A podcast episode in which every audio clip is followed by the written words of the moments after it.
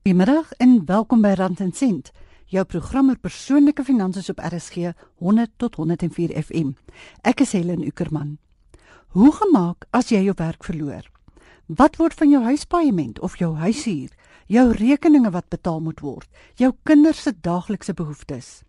Daar is verskeie maniere hoe jy die skielike opdroog van inkomste wat onvermydelik volg as jy die slagoffer word van personeelvermindering, die hoof kan bied of daarom effens kan versag. Ons praat nou van uitgestelde paemente, verbruikerkredietversekering en 'n inkomstebeskermerplan. Voor ons twee kenners aan die woord stel oor die onderwerp, kom ons luister eers wat van ons luisteraars sê. As ek my uh, werk of salaris sou verloor, is ek gedek met 'n inkomsteversekeringspolis. Ek het die polis jare gelede uitgeneem as deel van my finansiële beplanning. Die opsie was beskikbaar toe ek aangesluit het by 'n bepaalde mediese fonds en ek het dit dadelik geneem. Ek het nie 'n inkomstebeskermingspolis nie. Nee. Um, ek dink nie ek het beplan daarvoor. Nee, ek het nie genoeg vooruit beplan vir 'n inkomstebeskermingspolis nie. Um, as ek my werk verloor, so uh, ek myself bevind in 'n moeilike situasie. Ek dink 'n inkomstebeskermingspolis is absoluut die moeite werd. Um, om eerlik te wees, het ek nog net nie daaraan gedink nie. Dit was dan Heidi Miller en Rowan Skooman van Johannesburg wat vertel het wat hulle dink sal gebeur as hulle nie meer 'n inkomste het nie. Die een is goed voorberei en lyk my die ander een moet nog 'n plan maak. Jy luister na Rand en Sent op RSG en vandag se program word geborg deur die Raad op Finansiële Dienste en die Suid-Afrikaanse Versekeringsvereniging. Dit is nou tyd vir ons weeklikse drama in ons reeks oor finansiële vryheid En ons gaan luister hoe Astrid, Esther, Beverly en Jacques met 'n onverwagse verlies van inkomste te doen kry. Dit is episode 19, lig aan die einde van die tonnel.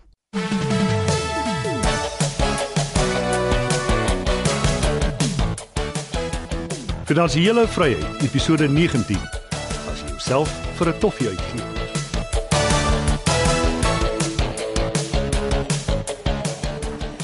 Popo het nou finaal die fan gestryk. Waarvan praat jy? Dit is alles nou verby. Ek kan net sowel van die gebou afspring.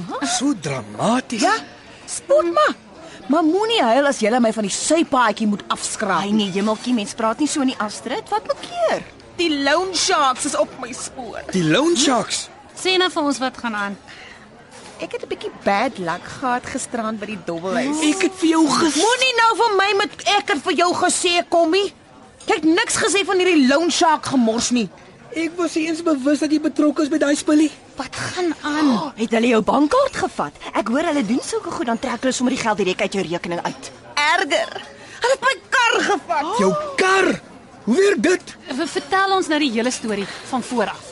Man, ek het so lekker gedobbel die laaste week. Alles het so goed gegaan, jy weet? Nee, ek weet nie. Wag nou, Jacques, gee vir haar kans om klaar te praat. Toe gaan dit 'n bietjie sleg met my by die roulette tafel en, en toe verloor ek al my geld. Ek dog toe ek gaan probeer my lak by die slotmasjiene. Hulle vat mos kredietkaarte, jy sien? Toe dobbel jy met jou kredietkaart. Nou, Ja.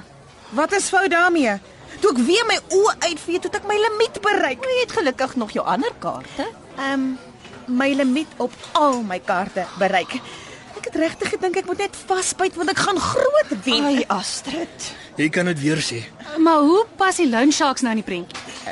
Ek het by hulle gaan geld leen. Uh, hulle het so 'n karavaantjie net daar langs die dobbelhuis. Toe gee jy seker jou kar as versekering en toe verloor jy al jou geld en hulle hou jou kar. Onnoos. Jacques, Nee, Jacques is reg. Onnosel verby. Gelukkig kon ek 'n vriend bel om my te kom haal. Nou, hoe gaan jy nou jou kar terugkry?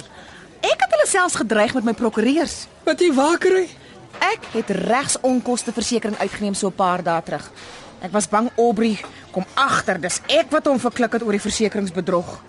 Toe wat sê die prokureurs? Ek het 'n kontrak geteken by die vinnige geld in jou gatsak plek waar ek ingestem het dat hulle my kar kan hou totdat ek die geld kan terugbetaal. Maar hulle het darm vir my gehelp om uitstel te kry vir die betaling tot die einde van die maand en hulle het gesê hulle sal kyk wat hulle vir my kan doen. Dit is goed dat jy regsonkoste versekering het, maar dit is moeilik vir hulle om iets te doen na jy kontrak geteken het. Jy moet na hulle toe gaan voordat jy die kontrak teken sodat dit kan lees en sien wat dit was. Ek het nie eens geweet mens kry so iets nie. Ja, dit is baie handig. Moenie met my praat nie, praat met my prokureur. Ek wou dit nog altyd sê. Maar dit het nie regtig die loan sharks bang gemaak nie. Natuurlik nie. Jy dan ingestem tot hulle voorwaardes Ek was desperaat. om te gaan dobbel. Dit is nou genoeg julle twee. Dit help nie om te stry oor wat verby is nie. Ons moet nou plan maak om jou kar terug te kry. Ja, my arme skoene word deurgeloop. Wat van? Ons verkoop van jou skoene. Jy weet soos 'n regte ou garage sale. Ek, ek het nie 'n garage nie. Dit is 'n fantastiese idee. Ons kan dit hier in die kantien doen. Ja, jy kan bietjie al daai handsakke en skoene tot 'n goeie doel aanwend. Ek weet nie eintlik of dit die antwoord is op my probleem nie. Luister Astrid, jy het jou nou wragtig diep in die moeilikheid gekry. Jy weet wat hulle sê as jy jouself uitgee vir 'n toffie, moet jy bereid wees om gekou te word. En daai loan sharks gaan jou kou suster. Dit sal werk. Ek beloof jou Astrid. Jy kan altyd weer nuwe handsakke of skoene koop, maar jy sal jou kar moet terugkry. As jy dink dis die enigste manier dan ek seker jy keuse nie. Dit gaan pret wees, jy sal sien. Ek gaan sommer nou dadelik die pamflet maak. Ek dink jy moet maar nie weer gaan dobbel nie, Astrid. Nee, ek het my les geleer. Maar hoe gaan ek al my goed hier kry sonder 'n kar? Jacques sê jy Vrydagoggend kom oplaai en sommer dan al die skoene en handsakke en ander goedjies wat jy kan verkoop ook optel. Wat? Jy seker getik in jou kop. Eina, vies kop my. Wat was jy besig om te sê? Natuurlik, ek help graag Astrid.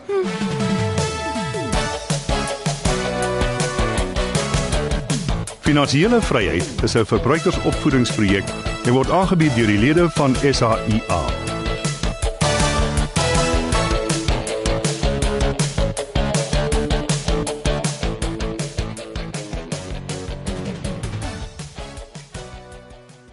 Nou ja, dit was episode 19 in ons reeks oor finansiële vryheid, lig aan die einde van die tonnel. Ek het vir Nico van Geysen, direkteur van Finlek in Kaapstad, gaan vra hoe 'n inkomstebeskermerplan werk en hoe dit jou teen 'n skielike verlies van inkomste kan beskerm.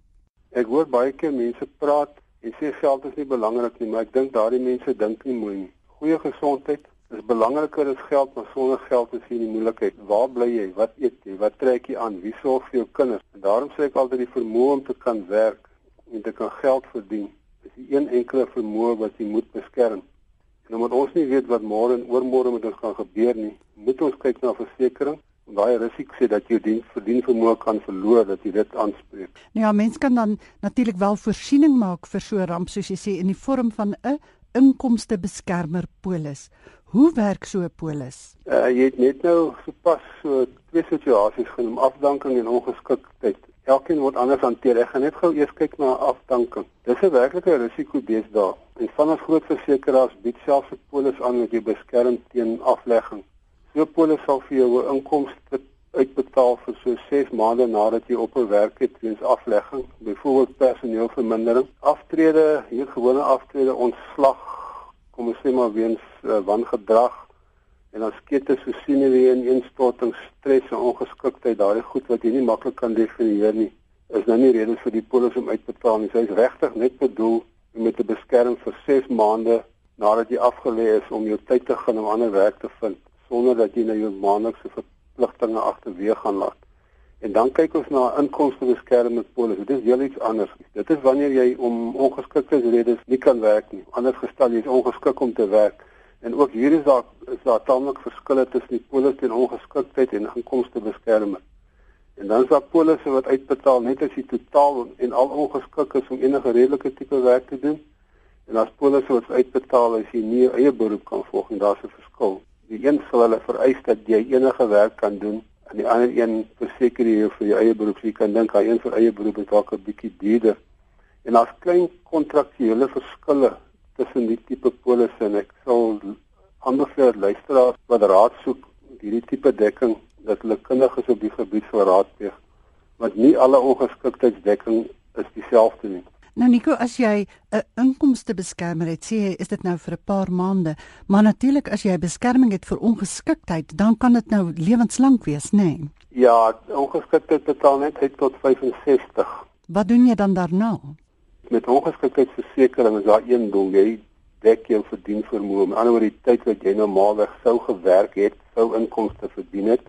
'n Deel daarvan sal jy mos nou as jy verantwoordelik is, gaan jy spaar vir aftrede om daai inkomste te beskerm. Dan neem jy ongeskiktheidsversekering uit. En hy betaal uit tot 65 as jy 'n inkomstebeskermer het. Jy kan of 'n kontantbedrag kry wat dan vir jou 'n uh, groot kontantbedrag lyk betaal of jy kan 'n maandelikse inkomstebeskermer kry. Is hierdie soort van versekerings net beskikbaar vir mense wat in heeltydse betrekking staan of ook vir mense wat vir hulle self werk? Hulle ongeskiktheidsversekering te doen met jou verdienvermoë. Dit gaan nie net oor of jy 'n betrekking is of nie. Bewys van inkomste is dis wat belangrik is. Mense wat vir hulself werk kan ongeskiktheidsdekking kry as hulle bewys van inkomste kan lewer. Veral met die maandelikse inkomste beskermer is dit baie nodig. Hoe word uitgewerk hoeveel dekking 'n mens per maand voor in aanmerking kom? Word jou hele salaris vervang of word dit op 'n ander manier bereken? Ja, Helen, oorversekering is 'n groot probleem. In die bedryf wil ook situasies voorkom waar mense vir hulself groot bedrae laat verseker dan uh, hulle self in so 'n mate beseer dat hulle ongeskik raak ten einde te kan eis teen die polis. Nou afhangend van die versekeraar sal jy toegelaat word om byvoorbeeld vir die inkomste beskerm, kan jy verseker tot 'n bedrag van 100% van jou huidige inkomste. As jy kyk na kapitale ongeskiktheidsvoordeel, dis teen die een wat vir jou 'n kontantbedrag uitbetaal dan is daar so 'n glyskaal wat hulle gebruik. 'n Versekeraar waarmee met wie ek werk, laat dit byvoorbeeld toe dat iemand onder 31 jaar oud kan tot soveel as 18 keer sy jaarlikse inkomste as ongeskiktheidsdekking uitneem. Terwyl jy tussen 55 en 60 jaar oud is, kan jy net 6 maal jou jaarlikse salaris 'n versekering vooruitneem. Natuurlik bo 60 kan jy nie meer ongeskiktheidsdekking kry nie. Nou as jy nie 'n inkomstebeskermer kan bekostig nie, as jy nou nie so 'n polis kan betaal nie, wat beveel jy aan? Watter ander opsies is daar? Uh daar is 'n voordeel bekend as fisieke inkorting. Uh die vereistes is nie so erg nie. Bewysbaarheid is ook bietjie minder as met ongeskiktheid. Dekking in basies kom dit daarop neer dat jy as jy fisiek ingekort raak, daar hulle het so 'n punteskaal wat hulle op die graad van fisieke inkorting wat die versekeraar sal toeken en dan uh, daarvolgens sal hulle vir jou voordeel uitbetaal. En dan is daar ook onge ongeluksongeskiktheidsdekking.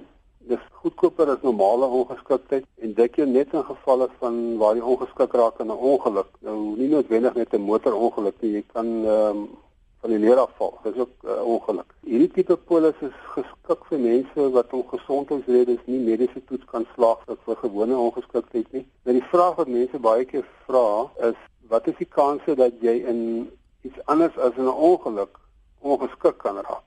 Nou as jy net soveel rand tot jou beskikking het vir versekerings, dan is ek baie geneig om te sê kry jy goedkoper ongeluksongeskiktheidsdekking en dan vat jy die res van jou rand wat jy beskikbaar het vir versekerings en kry jy weer jou gevreesde siekte dekking of lewensdekking afhangend van wat jou omstandighede vereis. Is dit nodig om van jongs af voorsiening te maak vir 'n situasie waar jy jou moontlik eendag sonder 'n inkomste gaan bevind?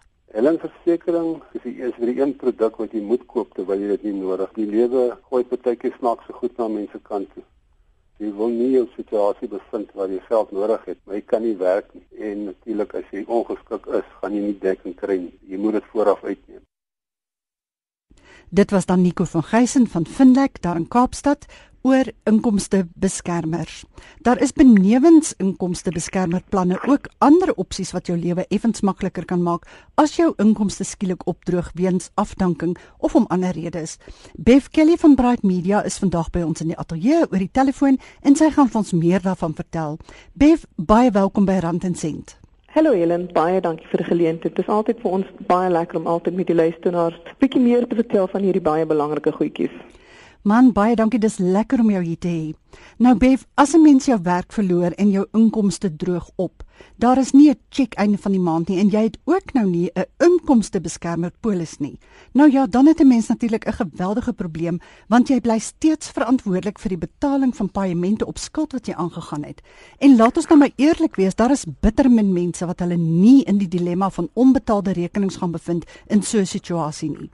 Watter ander beskerming het verbruikers? Daar is iets soos verbruikerskredietversekering ook. En baie mense weet soms nie dat hulle dit wel het nie. En dit gebeur gewoonlik as jy iets koop by 'n uh, meubelwinkel of jy gaan 'n lening aan by die bank en sonder dat jy self weet, dan sluit dit gewoonlik verbruikerskredietversekering in.